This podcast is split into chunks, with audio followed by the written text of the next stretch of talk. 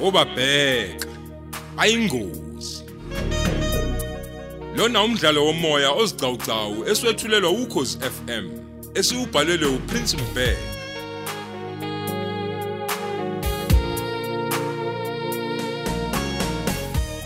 yamukela isiqephu sesithathu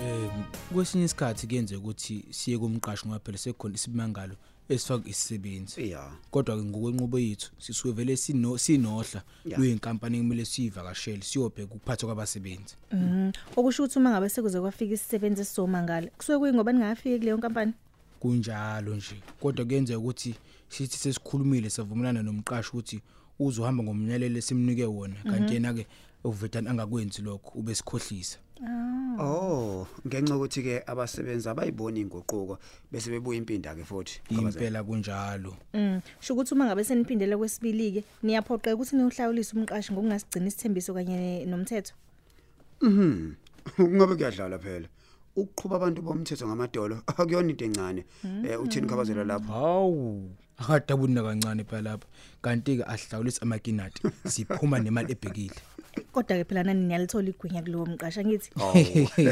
awuze umuntu wasemzini Eh igunya phela ngeke lingabi khona uma nesidingo sikhona. nazi ya. Ukhuni phela impela ukuyeka imali usulunisela ngayo ebusweni. Angili phela siphuma emakhaya sofuna yona. Khabazela kabavuvo kubhela wena kaHlandla owalikhuluma iqiniso cwabe hayi iqiniso lelo Awu phela phoyisa akubuye ukuthi ukhuluma amanku umdala. Ya.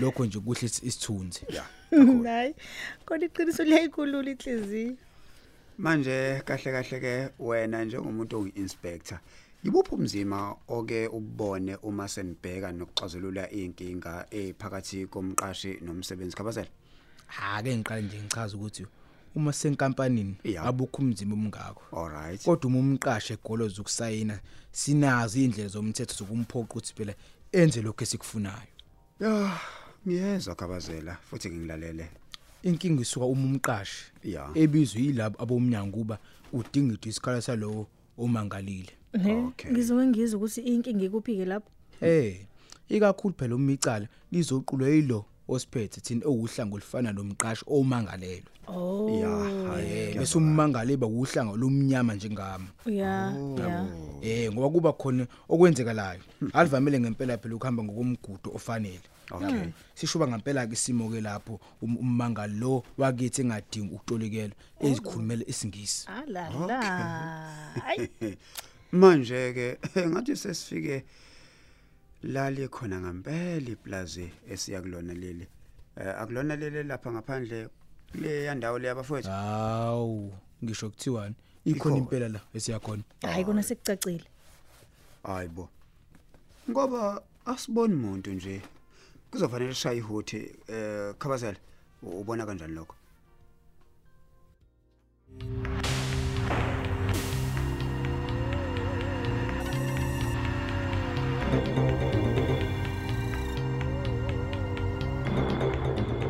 hayibo thulani hayibo uyangibonisa nje hawu yini ubonani awuyeyenwe bantu awunayo imoto emaphoyisa esangweni imoto yamaphoyisa ene abe iyona ngempela emadoda owe mameka ziyozala nkomoni Oh, ey ey yangena inkomo ensimini wemazondi hayibo Ho- u- usho ukuthini manje isekazindla ey ungalokothi uyibuze leyo nto oh yase ngiyabona-ke manje Ya. usho ukuthi angasho ukuthi uzinhle lobiza amaphoyisa nje hayi hayi sengiyabona-ke kodwa eh, ake sithi ukwehlisa umoya lo mlungu akayona le nhlobo edume ngokuba nesihluku uzobona nje naye ukuthi akuthini esibiza amaphoyisa angikholwa yona ukuthi futhi uzothi nguzinhle noma nje angasola kanjalo kodwa hhayi angeke asho lutho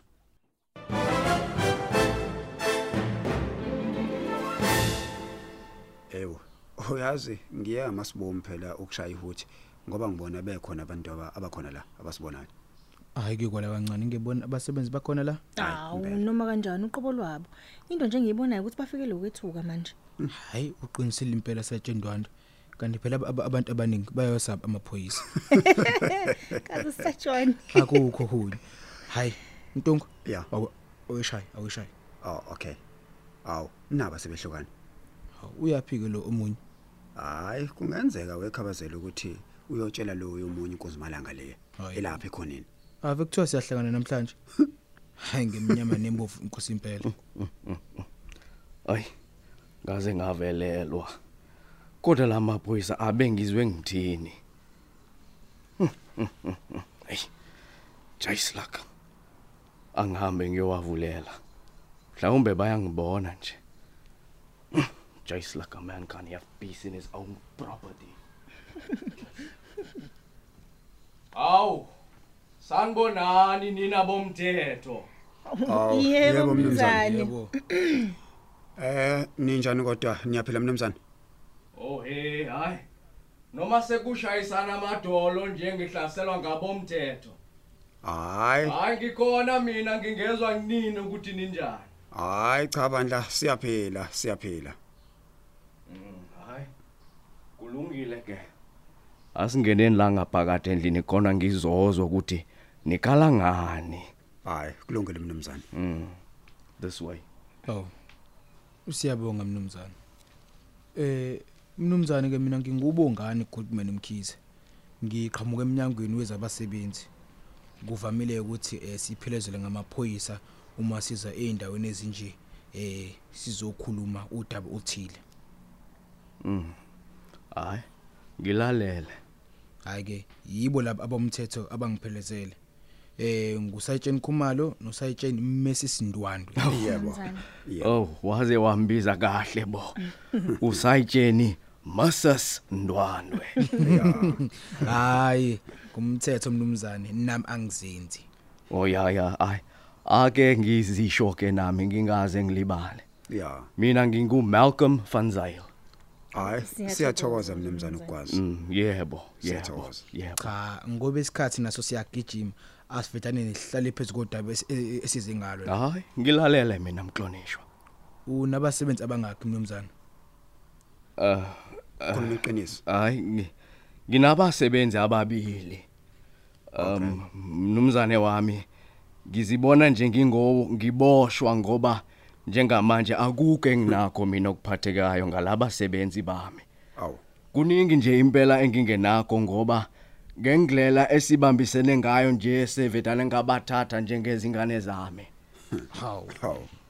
hayi impela mnumzane So ke ngizwa. uma kunjengobusho okusho ukuthi uyisiboshwa ngempela nakuba nje nibamisene kahle awu nkosi yami kodwa kodwa awu mkhize awu eh ngizocela mnumzane ukuba ungiphi ithuba ngithi ukuxoxa nabasebenzi bakho ewu eh ngingiyakuzwa mnomzane kodwa bengicela nje ukuthi uma kungenzeka usale sewubayeka laba basebenzi Ah, amaphutha singawalungisa thina sobabili uma kukhona okufanele ngikwenze okungokomthetho mayelana nabo ngizokwenza ya ngiyabona ukuthi wena ubalekela ukwehla isithunzi kubasebenzi bakho mm yeah impela kukunjalo mnomzane kunjalo umbuzo wesibili ke abasebenzi bakho sebesebenza isikhathi esingakanani um omunye usesebenze iminyaka 32 kanti lo munye usebenze 22 ha ha ha sebesebenza isikhathi eside kangaka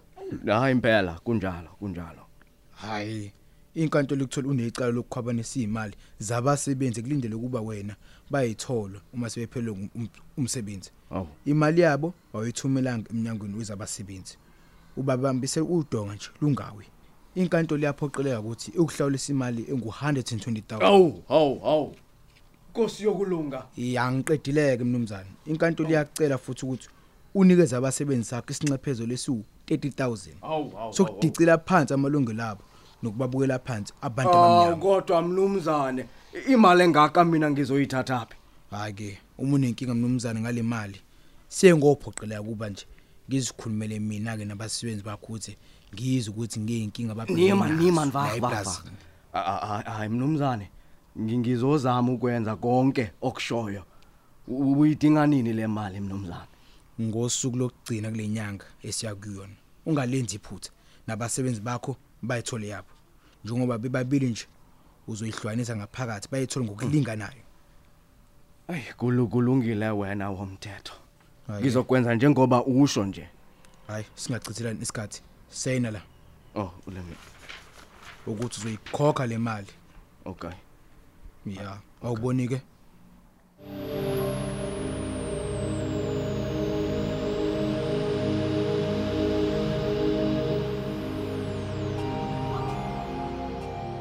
maye baba nawo amaphoyisa esehamba hayi cha ahlalile bo kade efikile Mm, ngaze bekudingidwa ziphi hawu ngeke phela uphike nezindaba zosomabhizinisi umuntu noma ngaba nemali engakanani kodwa inkinga azipheli hayi kona kunjalo impela mhlambe bebezokhuluma indaba zemali okungenzeka ukuthi akakayikhokhi hey asazi yazi eh, mina nje Thulani angiboni ukuthi uqinisile lo mlungu umethi uyasibambela imali kaPoinandi le ekuthiwa iUIF hey hey hey hey, hey hey, mazondi ngicela uyiyeke leyo ndaba ngalokothi nje uyiphathe ngoba uma engasasiza uMalcolm angeke ngabazina kancane ukuthi la maphoyisa lawo abizwe yithi Ih, ungasashonga umbovu awu o- kodwa umlungu wethu bakithe nenhliziyo enhle kangaka awu sesizoxatshaniswa izinto nje esingazazi hayi ke ngalapho yena abandlu nenhliziyo enhle ngempela yabo ukubuma la lephenduka ngabe kade asijikele hayi ke baba ake sithi kuyiyeka leyo mlungu ke sixoxe leka zindli nganethu yini uzinhle wenzeni wembovu uyambona nje kodwa uzindlu ukuthi usekhulile yo ngiyombona manje somashi eh, ngidlala imicabango la nokudideka Hey. nje hayi bo engabe kusuke sekwenze njani sengibizwa ngamagama wonke nje ngosuku olulodwa oh nkosiyami nginguthulani ngusomahashi ngiwumbovu ngiwubaba ngudali Yoni yezwe. kwaze kwalikhulu ngabi namali hey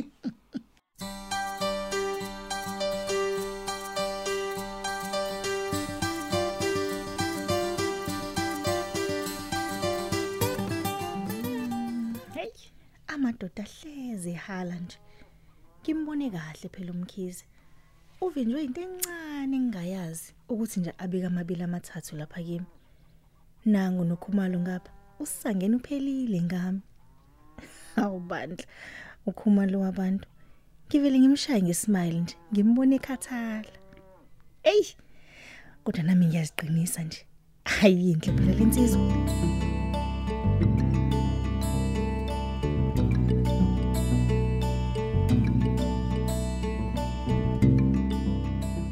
uNkulunkulu wami ngizosebenza kanjani nalomfaso omuhle kanje Hmm.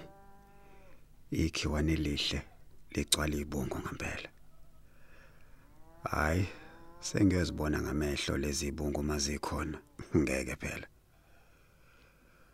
uma kukhona noqhaka hayi phela sengiyobona phambili yeah angiqhubeke nje nokuphalaza lo ngisebenzisa lemithi ngizomdida phele lo mfazi hobe phela lo muthi ongosebenzayo umuthi othi thi